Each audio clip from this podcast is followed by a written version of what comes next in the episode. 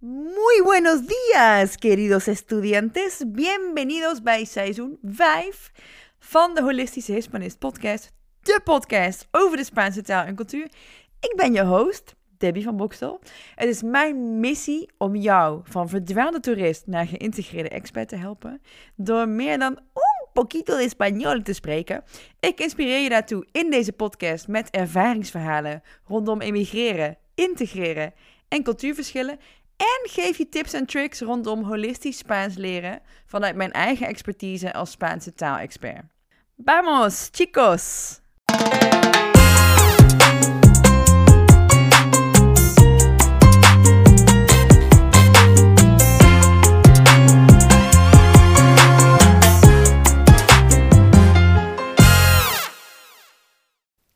Hola chicos! De ene laatste dag alweer, dag 11 van 12 dagen. Vol Spaans in je leven.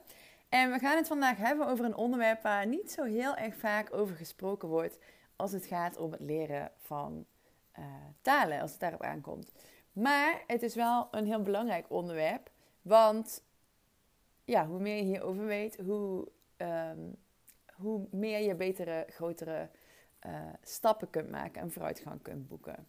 Het gaat over onze mindset. En mindset, als dat een woord is wat je lastig vindt, uh, gaat over onze overtuigingen. En in deze dus onze overtuigingen rondom het leren van de Spaanse taal, om specifiek te zijn. Want als jij niet de juiste overtuigingen hebt, dan, uh, dan stagneert jouw leerproces. En ik zal je ook wat voorbeelden geven en uiteraard begin ik weer eerst in het Spaans en in het. Bueno, hablemos de nuestras creencias en torno al aprendizaje de idiomas. Si tus creencias te ayudan o si te, te dificultan el proceso, el progreso que quieres tener. ¿Qué son las creencias? Miremos un segundito, un momento, a ver qué son. Son opiniones o pensamientos que tenemos en torno a determinado tema. Y esta vez el tema es el aprendizaje del idioma español. Por ejemplo, una creencia que muchas personas tienen es el español es un idioma difícil. La creencia o la idea que tienes de que es difícil no te va a ayudar en el proceso de aprendizaje porque vas a sentir que es difícil. Entonces, ¿por qué vas a empezar a hacer algo difícil? Ya sientes que no vas a estar con ganas para estudiar. ¿Por qué? Porque es difícil y no vas a poder lograrlo. Entonces, no vas a tener un proceso de aprendizaje de manera correcta si inmediatamente te vas a sentir desafiado o dificultado y no vas a comenzar el progreso sin sentir cierta ansiedad. Entonces, cada vez que esa persona se encuentra con algo que necesita un poco más de práctica para adquirir el idioma, por ejemplo, podría ser un fragmento de gramática que requiere más tiempo para poder entenderlo, comprenderlo de forma más profunda y ponerlo en práctica. Y esa persona simplemente va a creer que es demasiado difícil y lo va a dejar de un lado. Entonces, esa persona se va a sentir bloqueada, eh, va a decidir abandonar el aprendizaje del idioma, el proceso de aprendizaje. Y esa creencia le llevará a esa persona a hacer o no hacer ciertas cosas que pueden o no pueden ayudarle a progresar en el aprendizaje. También hay miedos que sentimos ¿verdad? Miedos que sentimos proyectados por otras personas. esos miedos los podemos aceptar o rechazar. Y es importante aceptar las cosas que te ayudan a seguir adelante. Lo único que puedes hacer es controlar las cosas que puedes controlar. Entonces, no puedes controlar lo que te digan los demás. Lo que sí puedes controlar es cómo tú reaccionas hacia los demás. Entonces, es importante aceptar las cosas que te ayudan a seguir adelante y descartar las otras cosas que no lo hacen. Si conoces a alguien que cree, que piensa que el español es un idioma difícil, ese es un pensamiento subjetivo de esa persona, ¿vale? También tal vez conoces a alguien que cree que el español es fácil o que es interesante, como yo. Eh, para algunas personas es difícil y para otras personas es interesante porque es diferente al idioma nativo, a su propia lengua. Y hacer la diferencia entre lo que es interesante y lo que es difícil puede ayudarte a dar pasos y avanzar de nuevo. Y eso es algo que te ayuda a desbloquear y retomar el proceso de aprendizaje del idioma español.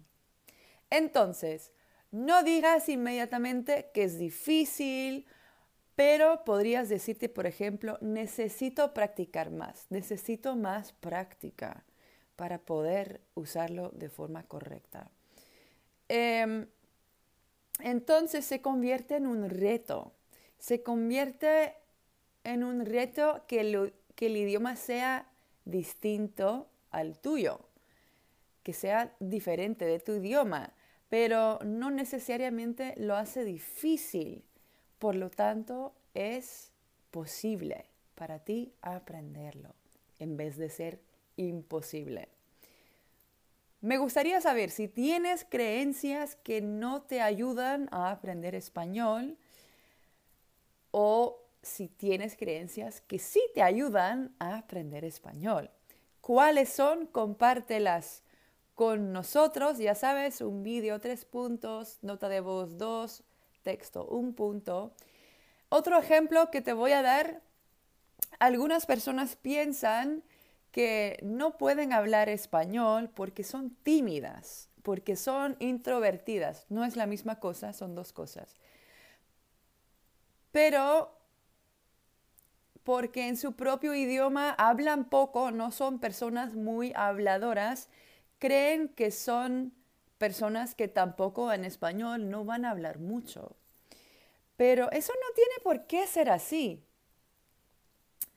De hecho, hay muchos poliglotas. Poliglotas son personas que hablan muchos idiomas que no son muy extrovertidos, disociables, pero que hablan muchos idiomas.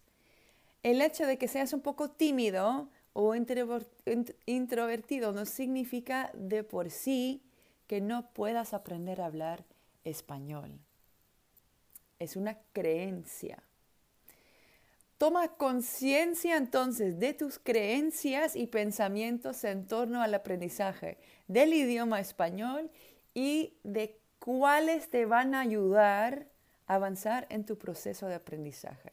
Si tienes creencias limitantes, haznoslo saber e intenta darles la vuelta.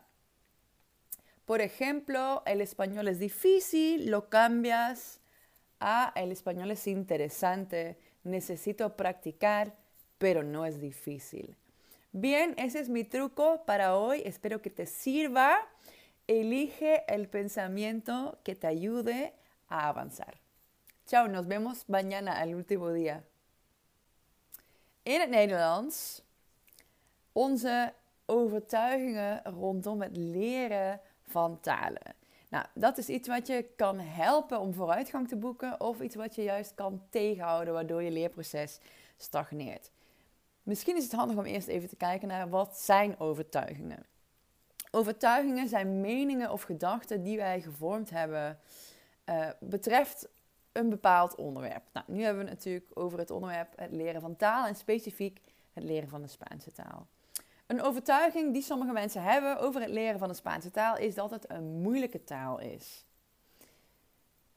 En de overtuiging of het idee alleen al dat het moeilijk is, zal het leerproces, dan zul je het leerproces niet op een correcte manier aangaan. Want op het moment dat jij besluit dan om Spaans te gaan leren, voel je je direct uitgedaagd. Dan is het een hele hoge berg die je moet gaan beklimmen. En ga je met een bepaalde ja, angst of, of uh, nervositeit ga je dan het leerproces aan. En iedere keer dat die persoon dan iets tegenkomt wat meer oefening heeft om de taal echt te kunnen gebruiken, begrijpen, um, implementeren, zoals bijvoorbeeld een stuk grammatica, um, iets wat meer tijd kost, dan denkt die persoon dat het te moeilijk is. En die zal dan waarschijnlijk blokkeren of zelfs besluiten ermee te stoppen. En dat is zonde. Dus die overtuigingen die drijven die persoon tot bepaalde dingen wel of niet te doen, die hem of haar wel of niet verder helpen uh, verder te komen in het leerproces. Nou, ook zijn er dan nog angsten die we van anderen voelen. Die kunnen we accepteren of afwijzen. We kunnen alleen controleren uh, wat, we, wat we kunnen controleren. We kunnen niet controleren wat een ander zegt, maar we kunnen wel controleren hoe wij daarop reageren. Dus het is belangrijk om vooral dingen te accepteren die je wel verder helpen en de andere ja, te verwijderen, los te laten, die niet helpen. Dus als je iemand kent die Spaans moeilijk vindt en daar veel over klaagt, weet dat. Weet dan dat dat een subjectieve gedachte is van die persoon. Misschien ken je ook wel iemand, net als ik, die denkt dat Spaans interessant is en dat het zo tof is dat het zo'n andere taal is dan die van ons. En ja, dat het makkelijk is. Die mensen zijn er ook. Dus voor de een is het moeilijk en voor de ander is het interessant, puur en alleen om het feit dat het anders is dan je eigen moedertaal. Dus maak het verschil tussen wat interessant is en wat moeilijk is zo belangrijk dat het jouw leerproces compleet kan omgooien. Want het kan je juist helpen om stappen te maken om verder te komen. En dat is iets wat je helpt om te deblokkeren en je leerproces weer op te pakken waar je het had achtergelaten. En dan zeggen we niet meteen, oh, dat is te moeilijk, laat maar. Of, oh, ja, dan zeggen we, ik moet meer oefenen. Het heeft meer oefening nodig. Het heeft meer tijd nodig. En dan wordt het een uitdaging, omdat het anders is dan in jouw taal. Maar niet per se moeilijk en daarmee onmogelijk voor jou. Heb jij overtuigingen die jou niet helpen bij het leren van Spaans, of juist wel?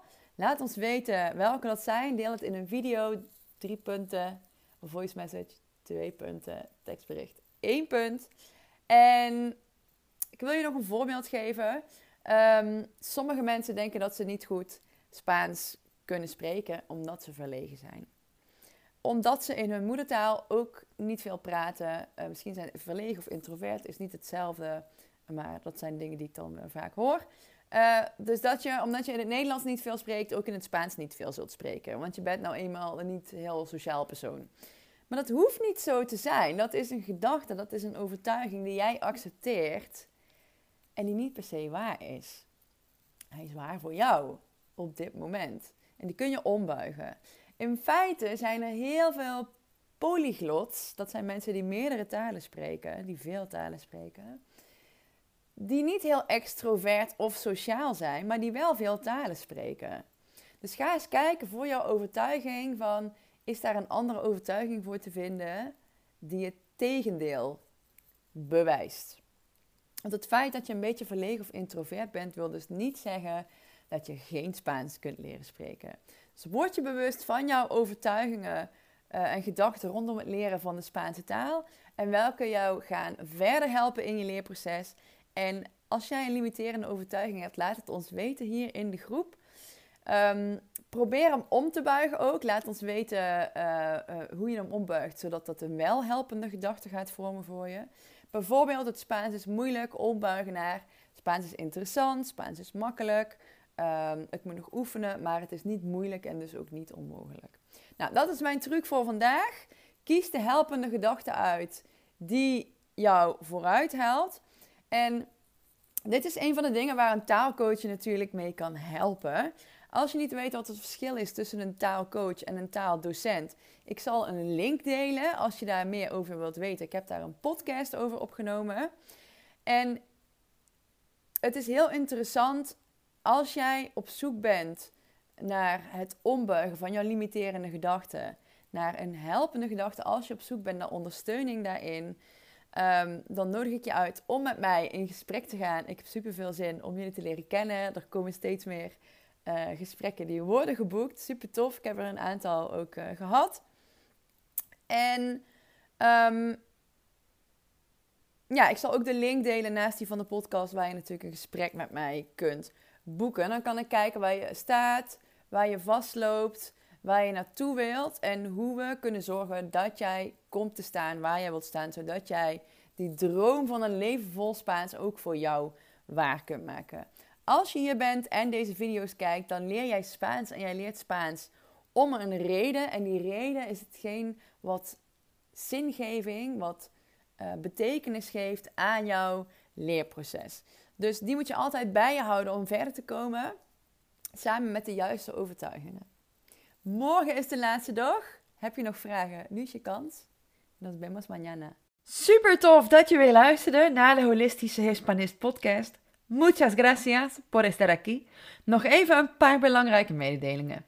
Het is mijn missie om mensen dichter bij elkaar te brengen. Daarom maak ik deze podcast voor jou.